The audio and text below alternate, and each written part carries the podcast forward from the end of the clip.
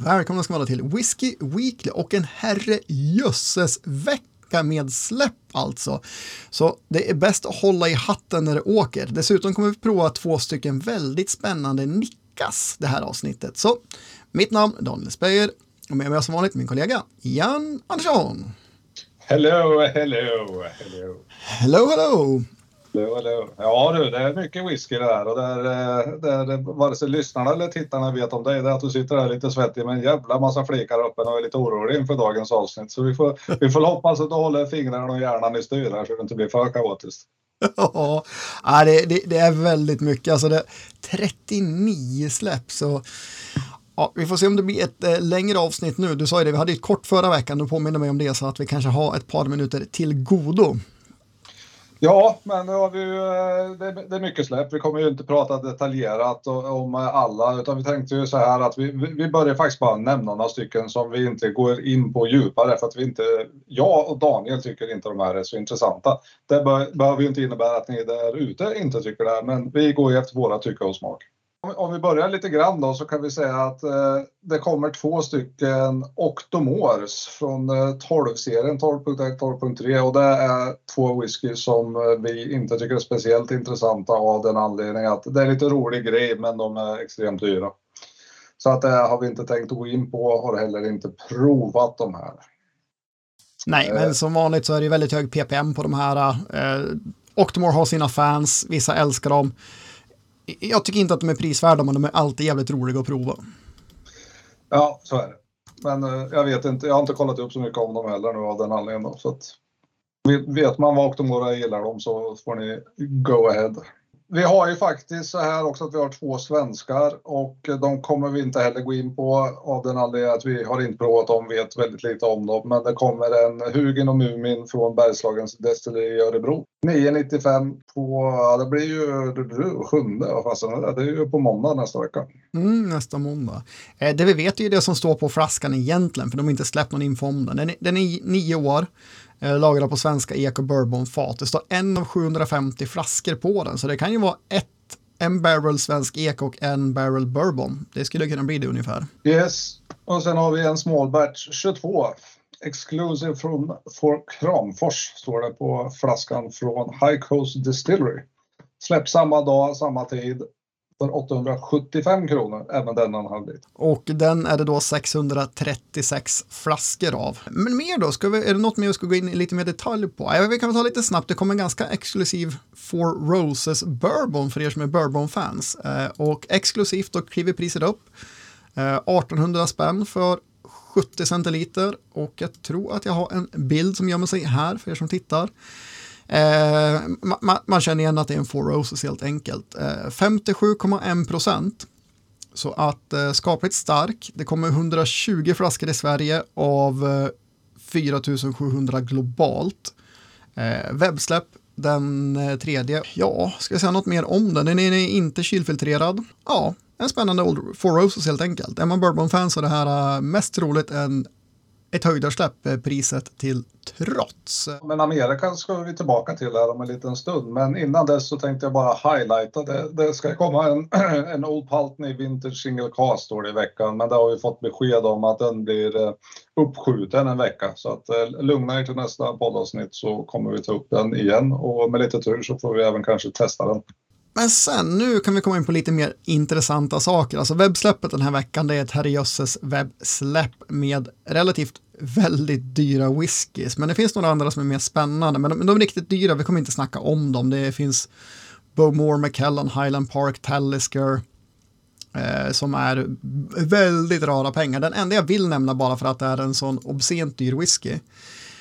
Det är då Tales of the McKellen Volume 1. Det är alltså en ny serie som Macallan lanserar som ska hedra Macallans ursprung och den första utgåvan går de tillbaka till innan Macallan fanns, alltså den första registrerade markägaren över eh, deras estates. Så att eh, de, de vill hedra han, han var där på 1700-talet. Så att det, det, är mycket PR och bullshit i det va, men själva whiskyn den destillerades 1950, buteljerades när den var 70 år gammal.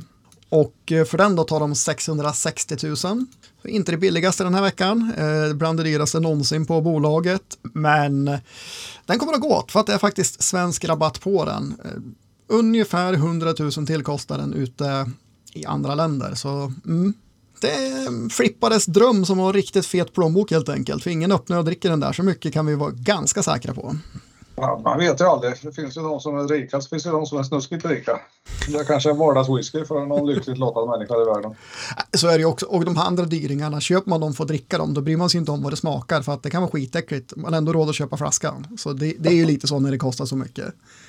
Precis, men jag tänkte nu är det dags att vi reser tillbaka ner på jorden så jag, jag, går tvärtom och tar upp en som är ganska billig den här veckan som jag är lite intresserad av faktiskt. För jag, jag har inte provat någon sån här men Eh, Duncan Taylor då, de, eh, de har ju gjort egentligen en, en, serie som heter Black Bull som är, som är då blended whisky eller blended malts och de har en peated variant här nu som jag inte har egentligen någon aning om uh, hur den är men uh, Nej, men 449 kronor, 50 stark, en blended whisky. Så när man läser om den och kollar lite kommentarer och annat så får den ganska, ganska högt betyg den här. Och verkar vara en, en riktigt eh, fullkroppad, eh, robust och eh, samtidigt elegant whisky med en bra, bra smäll på snoken av rökigheten dessutom. Så det här kan nog vara en ganska häftig whisky att prova.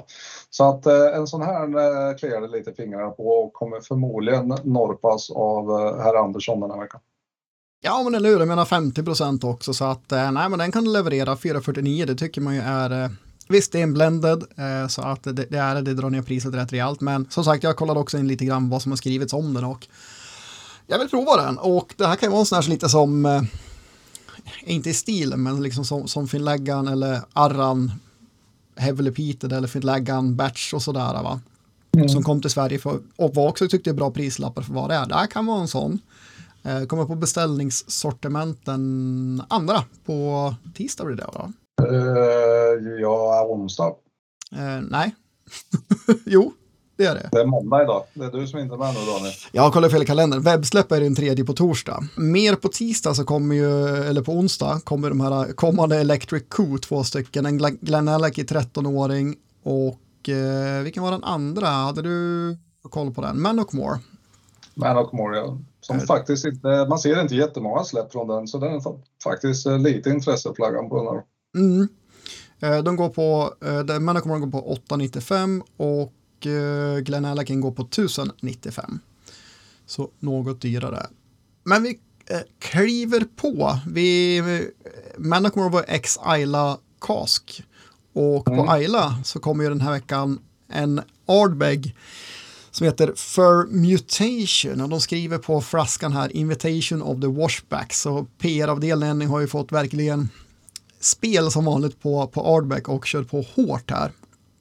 Eh, storyn som de bygger upp bakom den är det att, jag kommer inte ihåg vilket år, flaskan är 13 år gammal så vi kan gå tillbaka 13 år i kalendern och kolla. Men destilleriet stod still på grund av att det var en del som gick sönder som jag tappade namnet på nu, deras boiler. Eh, alltså den som de värmer upp stillsen med får man anta. Eh, pannan. Pannan ja. Och eh, då stod det stilla i, var det tre veckor va? Oh, ja, det kommer jag inte ihåg hur länge det var, det var ju överdrivet lång tid därifrån. Ja, otroligt lång tid. Jag tror de brukar ha, är det 70 timmar cirkus på Ardbeg, som har en skapligt lång fermentering redan. Men eh, nu är det, nu är det liksom flera veckor och när man låter det stå så länge så får man ju, man får inte mer alkohol för liksom gästen dör ju av när de har liksom konverterat så mycket socker som de kan och alkoholen stiger till den nivån så att eh, svampen inte kan skapa mer alkohol. Men alla mjölksyrebakterier och annat, de fortsätter ju skapa smaker och det kan vara otrolig bredd av smaker beroende på vad de har att mumsa på och eh, så vidare och så vidare. Så det är en spännande hardbag är det, otroligt. Eh, verkligen. Men den är ju inte gratis den här rackaren, utan 1749 tar de för den. Så det är ju, ja, jag vet inte. Nej, vad ska man säga, den är ju åtminstone åldersangiven, men det är ju inte jättehög siffra förstås. Men, men, eh, men visst, det är ju det är förmodligen en ganska häftig och unik upplevelse som eh, inte nödvändigtvis behöver vara skitbra, tänker jag. liksom jag tänker att det finns en anledning till att de inte ligger så länge. Då kanske inte, jag tror när det väl är färdigt så är det färdigt. Det händer inte så jäkla mycket om man står x antal dagar till då, om de har invaderats från skyarna eller inte. Men eh, ja, de säger att det här är en av de häftigaste liksom, whiskyna de har producerat. Så, så vad det innebär får man ju betala 17,50 för att testa. Och eh, ja, med, med tanke på allt trevligt som finns den här veckan så står inte den här jättehögt på min lista. Det gör det inte. Det är lite dyrt för en 13-årig hardbag. Liksom. Ja, det men jag håller med. Alltså visst, Fardbeg-fans så vill man ha den i hyllan, men, men jag själv skulle inte lägga de pengarna på den faktiskt. Eh, kommer där då prova den på Fardbeg Embassy naturligtvis, för det kommer det finnas möjlighet till. Eh, men jag kommer inte att köpa den heller. Det finns eh, så mycket annat att lägga pengarna på. Yes, och så kommer det ju faktiskt även en ny flaska från Ardna Mursan som vi har nämnt några gånger. De släppte ju sin första whisky för max ett och ett halvt år sedan kanske. Mm. Och nu kommer faktiskt en, en specialutgåva som firar Clydesdale och deras 15-åriga anniversary. Så det är faktiskt en single cask-utgåva för bara den svenska marknaden. Då. Som ja. är lite special special och eh, fortfarande relativt rart destilleri skulle jag påstå, åtminstone i våra breddgrader. Så en sådan single cask för 1296 kronor kan man inhandla. 58,8 procent. Precis, och vill man, veta mer, vill man veta mer om Clydesdale, vilket man borde veta mer om ifall man är whiskyintresserad, för de har ju Sveriges bredaste whiskyportfölj skulle jag nästan våga påstå med, eh, med, med säkerhet. Så kolla på det specialavsnitt där vi pratar om deras 15-årsjubileum och lite historien bakom och så vidare. Det finns i bakkatalogen att titta på. Den där kom på webbsläppet, va? visst var det så? Den tredje på torsdag då? Nu har jag koll på lagarna. Yes, yes.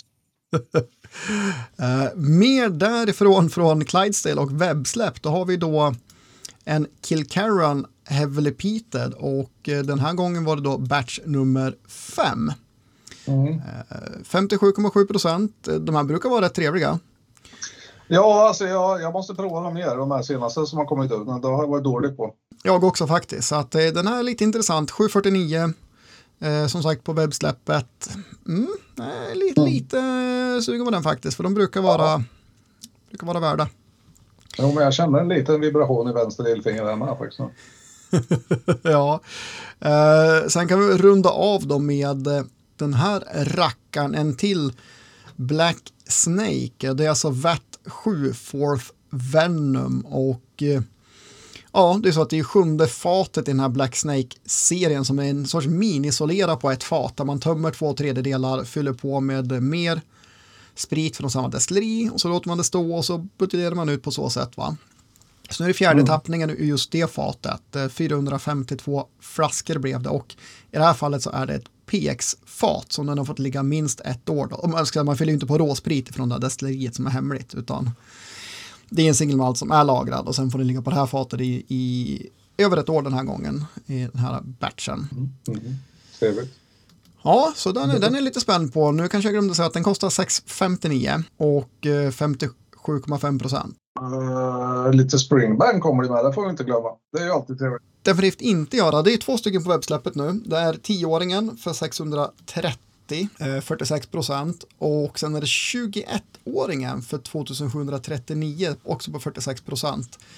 10-åringen är ju något som jag gärna vill ha som huswhisky, men den finns ju aldrig tillgänglig i så stor mängd. Men jag tycker att fast det kostar 630 spänn för en 10-åring så Ja, I min gom så är den värd det faktiskt, för det, det är helt enkelt det den kostar och jag, jag, tycker den är värd de pengarna för jag riktigt gillar dem. Du får beställa fler den här gången kanske.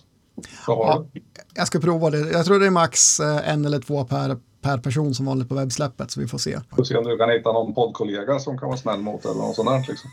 ja, jag ska, jag ska höra, höra mig för.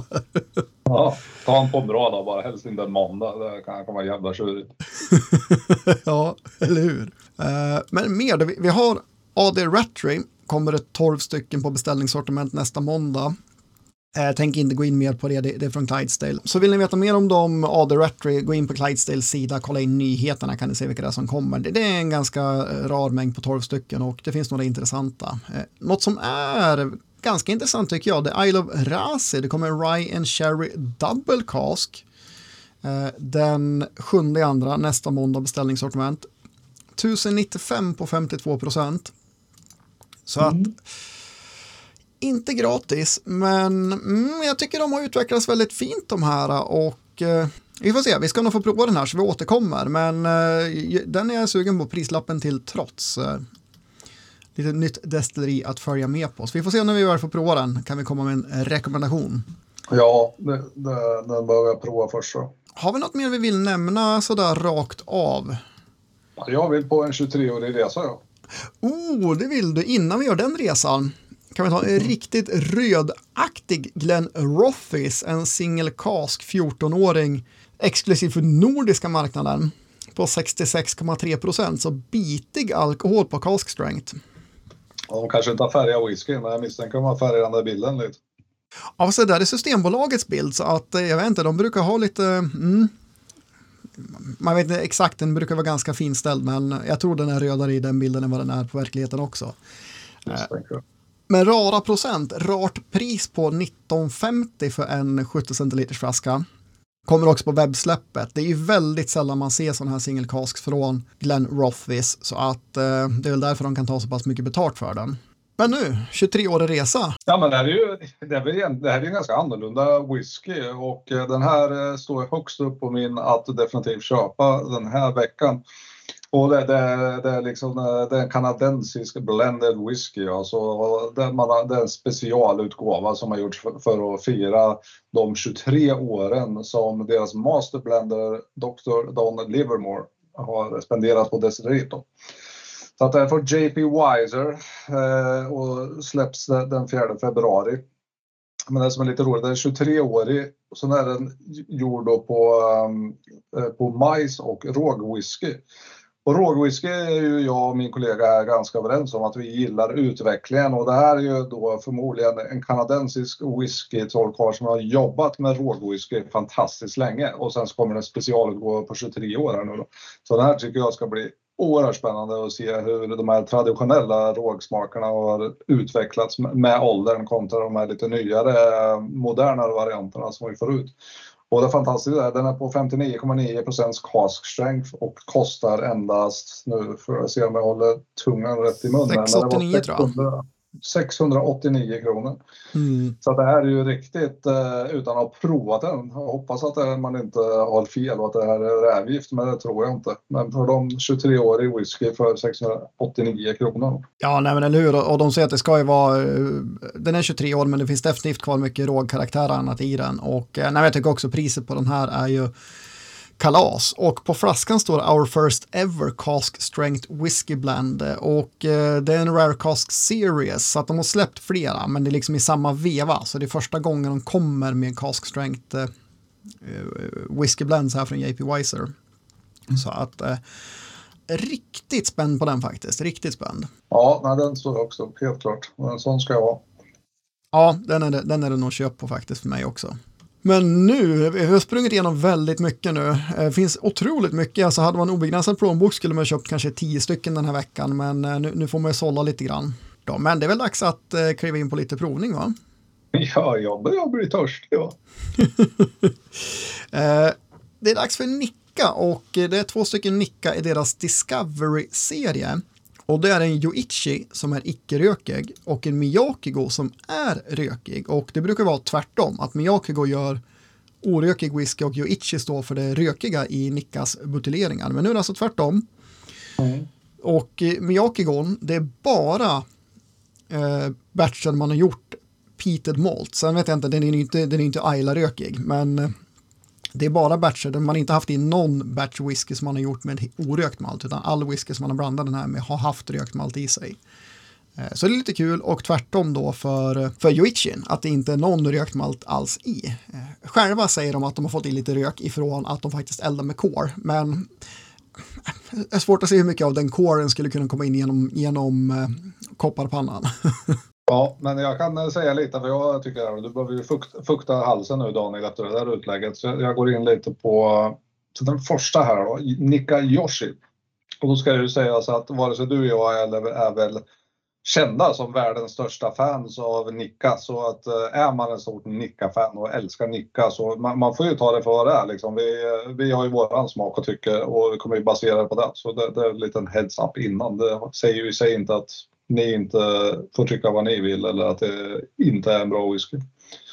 Men eh, den här eh, Yoshin eh, som brukar vara rökig, den här tycker jag är ganska en ganska häftig näsa i den här faktiskt. Det är, det är ganska blandat. Jag gissar på mestadels åt bourbonhåll lagrat. Man, man känner lite färska äpplen och päron. Den är lite den är lite mustig i tonen. Det blev faktiskt ännu mer mustig med några droppar vatten i som, som jag har haft i nu. Jag provade, provade även utan, men den, den blev liksom fruktmustig. Och sen mm. så finns det en, en, syra i den som eh, tillsammans med en, en diskret beska Ja, som, som, Daniel faktiskt plockade. Det är klockrent. Det, det, det, är grapefruit i den här, vilket är relativt annorlunda tycker jag för, för en whisky. Men ja, ska, också, ska också säga att de som är fans av Nicka brukar ju kalla det här destilleriet för Yoichi, inte Yoshi som Marios dinosauriekompis. Ja, men jag gillar Nintendo så jag fortsätter med mitt Yoshi här borta. ja, det är en, det är limited editions, men det, det, jag misstänker att de inte är super, super limiterade de här. De är, nog, de är tillgängliga i många länder i alla fall. Sen kommer det inte hagla flaskor i Sverige. Det är ju webbsläpp på bägge de här. Eh, 2385 styck får man betala för varje. Eh, Yuichin är på 47 procent och Miyakegon är på 48 procent. Så vi har fått ut den infon också. Nej, men um den är lite häftig i munnen med. Det, det är ganska som, som det brukar vara med Nicka. Det är relativt diskreta både dofter och smaker tycker jag. Men jag tycker näsan följer med in i munnen, hur det nu fysiskt är möjligt, men ni förstår vad jag menar. Liksom. Att det är ungefär samma toner i mungipan med. Det som kanske blir lite nytt här är att den är ganska, den känns lite bubblig, lite spritsig, nästan som lite mousserande vitt vin. Då har de lite, lite vinösa toner i, men grapefruiten tycker jag den är överhängande kvar även i, i munnen och ger en ja, men ganska trevlig beska tycker jag faktiskt. Som, mm. som går av det. Så det är en sötsyrlig beska på diskreta nivåer. Ja, och det gör den ju lite livligare än vad, vad näsan anger, där den är liksom mer, mer finstämd klassisk japansk nicka. Mer kryddig, alltså. Både, både lite peppar ifrån faten, men Grapefruktbäskan absolut. Finishen skapligt lång, alltså lite krämig blir den i munnen också när man smakar på den. Så köp den här, se till att ni verkligen smakar på den för att det kommer in i finishen också. Ganska tjock i finishen faktiskt. Och, och det här är även ännu en whisky som vinner väldigt mycket på att få så lufta ett tag. Det, det tog faktiskt både någon droppe vatten och lite tid för att den här skulle blomma ut. Den var väldigt instängd i början. Tyckte. Mm. Nej, men det, det, det, lite, det finns lite floral, alltså lite blommiga toner i den med som är ganska frisk sommaräng. Men sen gillar jag just den där grapefruktbäskan som jag tycker är, den är lite annorlunda. Det är lite som nästan lite passionsfrukt, lite grapefruit-toner i fruktigheten. Mm, ja, men gillar man en sån lite, lite bäsk stil på den utan att den är surbäsk eller liksom super att det är bara det som smakar. Det finns en ganska härlig underton av sötma där som är lite lite lätt fruktig, men framförallt så är det liksom bara en söt underton på väskan som gör att den blir väldigt, väldigt behaglig i, i min mun.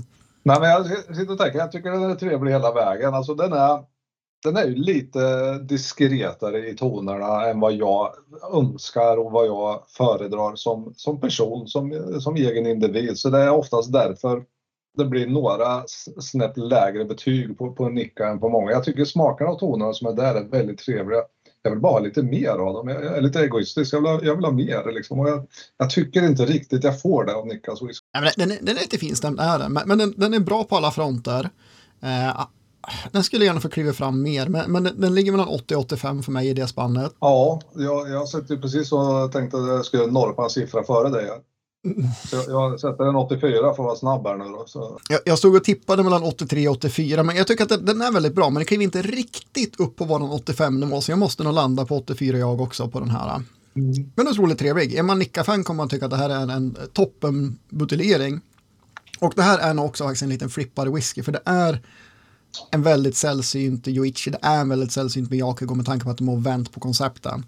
Eh, så den kommer vara återvärd. Så vill man ha den får man vara beredd på att klicka när den kommer på webbsläppet. Men jag, jag föredrar den här över Nickas uh, röka malt och deras röka whiskys som de brukar släppa. Då tycker jag den här är bättre. Mm, ja men precis, alltså, du, du, brukar verkligen säga att du gillar absolut inte röksticket de brukar ha i, i Nickas ja. uh, Yoichi då, som brukar vara det. Men alltså jag faktiskt tycker att den kan vara behaglig, inte i alla buteljeringar, men, men i många av dem. Men nu går vi då över till vad den kan göra med Miyakigo när den då inte är, eller när den är rökig ska jag säga. Är du säker på att det är korrekt uttal nu? Miyakiko. Miyagiko, Miyagikyo. Yoichi vet jag på, den här är lite lurigare. Miyagiko brukar jag säga. Ja, jag litar på dig. Jag har ingen aning. Ja, men som sagt, den här är bara gjord från batchar som har haft innehållit rökt malt. De säger inte exakt hur många batchar det är eller hur mycket rökt malt det var i varje, men eh, den är definitivt eh, rökt i alla batchar. Det här är en riktig kolabomb näsan. Jag vet att du kände lite mer rök än vad jag gör, men jag, jag kan inte släppa kolatonerna. Riktigt, riktigt framträdande i snoken. Mm, jo men det är mycket cola, alltså ljus cola. Alltså, jag, jag tänker nästan så här colaflaskor cola. Nej, jag är mer inne på toffee cola. Ja. Ah, Okej, okay, du är där. Mm. Jag har mer colaflaskor cola. Eh, väldigt, eh, alltså röken är dis diskret men den är så lite så japansk unik. Den är så gjord som en liten, liten nätt brasa med torr björkved bara, så man förnimmer en lätt rökdoft. Men, men eh, det är inte mycket av den på näsan, är det inte. Och nu har den ändå stått ett tag. Jag doftar på den igenom, den har inte blivit kraftigare. Med vatten kom den upp lite mer. Kom upp en väldigt behaglig, lite... Alltså det finns en surhet i viss sorts liksom lagrad skinka, alltså hängd skinka och annat sånt utan att liksom dofta skinka så har den lite av den surhetstonen som gjorde den väldigt spännande i den här. Tillsammans med faktiskt, eh, alltså att det, det är mer, den här är nästan lite exotisk frukt i. Tillsammans med, med eh, kolatonerna. Alltså det, det stora skillnader, även om det, det, finns lite syrlighet i den här med, men sötman i den här är ju betydligt, betydligt mer framträdande tycker jag än, än vad den var i Jojchin. Oj då. jo, jo, men det är ju. Det, det, den, och det, det är tydligare dofter överlag i den här tycker jag. Den är både, både torr och söt och en liten, liten och den här liksom köttsurheten eller skinksurheten. Ja, alltså jag vet inte. Jag tyckte jag, jag var eh, helt eh, inne på att jag faktiskt tyckte den här var bättre från början. Men eh, båda har fått ganska mycket luft här nu. Vi har ju bubblat på som fasen idag. Så att uh, Ja, till fasen. Jag tycker nästan Jutsin har klivit om den här. Det är just den där grapefruit-noten i den som ger den ett par betyg extra. Annars är de ganska lika tycker jag. Både doften, smaken och finishen tror jag ligger ganska lika i betyg. Men jag känner att grapefruiten eh, drar, drar ett strå över den här. Så att jag, jag jag drar en 83 på den här av den anledningen. Jag tycker det, för att vara en rökighet i japansk whisky så tycker jag den är ganska trevlig ut. Jag tycker den här hade nog fått bättre än vad Yoichis röka har fått med, med en hårsmån. Men eh, nej, jag tycker nog Yoichi är snäppet vassare. Faktiskt. Jag tycker att den här är bättre för jag, jag, jag, faktiskt, jag gillar det. Jag gillar att få så mycket olika röktyper på whisky. Och det här är inte alls en Ayla-rök, det här är väldigt mycket, mycket Nickas rök. Eh, jag tycker man kan känna igen stilen, den diskreta saken som brukar finnas i Yoichin. Men här, den kliver fram rejält på smaken alltså. Lite lätt torrig, askigare, en betydligt kraftigare. Det blir lite mer drag i kryddan som mm, kanske ingefära hållet också. Och eh, finishen även här är lång. Lite choklad i finishen. Och även den här ganska krämig, alltså inte krämig men den är tjock liksom i finishen och den ligger kvar. Så jag skulle vilja säga att den här är bättre. Jag vill säga att det här är 85 poäng. Den här kliver upp eh, på den nivån på skalan. Ja, du verkar tycka att den är betydligt mer komplex som jag tycker. Du hittar en massa underliggande toner, men jag, jag tycker inte riktigt att jag gör det. Och det, det är väl ofta där jag kan tycka blir lite problemet med, med rökighet i japansk whisky. Att de, de är ju väldigt finstämda. Både, både syran och sötman brukar vara ganska finstämd. Just i den här tycker jag sötman och den lite coffee cola-känslan kommer fram. Men eh, jag tycker den här djupare dimensionen, det, det, det är så den här röken stör de signalerna på något sätt utan att egentligen tillföra mycket djupet på whisky. Jag tycker rökigheten som du säger, den är mer framträdande. Rökigheten i sig är okej. Okay. Men det innebär att det blir inte så mycket mer för mig. Så jag, sitter, jag kan inte sitta och känna någon eh, ingefära och någon uh, ljus choklad i bakgrunden. Ja, lite kryddighet, lite, lite åt liksom peppriga hållet absolut i smaken. Men mm. nej, den, den, blir inte mer än så för min del.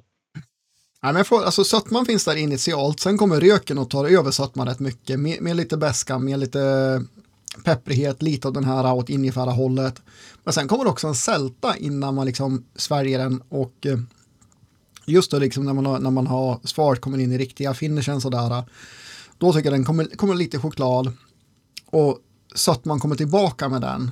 Även om röken och lite, lite torriga askigheten finns kvar i den här ganska tjocka finishen ändå. Så att Mm, ja, men jag gillar den, så den får 85 av mig. Men för nu har vi satt betyg rent av på vår upplevelse och vår smak. Men vi har ju sagt i tidigare avsnitt, vi ska ju faktiskt förhålla oss lite till priset med. Och jag menar, skulle man blanda in priset i kvaliteten på den här, då hamnar den inte över 80 någon av de här för min del. Jag menar, den kostar närmare 2 500 för de här whiskyna och nej, herregud, de är inte i närheten.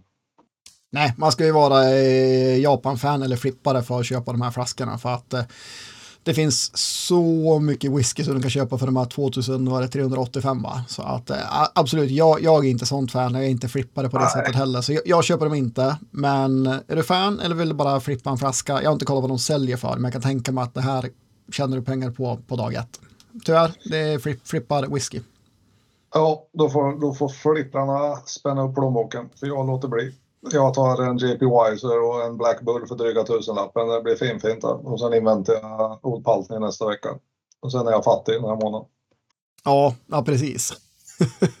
ja, vi får se, för mig kan det bli kanske en Black Snake eller, eller en Kilcaran också. Men uh, ja, jag ska kolla i budgeten vad veckan kan tillåta. Men vi kan väl flippa glasen så länge. Jag funderar på om jag ska flippa ett par Springbank 10 kanske och se vad du vill ge för dem när det börjar sina i skåpet. ja, ja, du. Vi får se vad det blir med det. Men alla ni där ute, skål på er och ha en trevlig whiskyvecka. Skål, tjing tjing.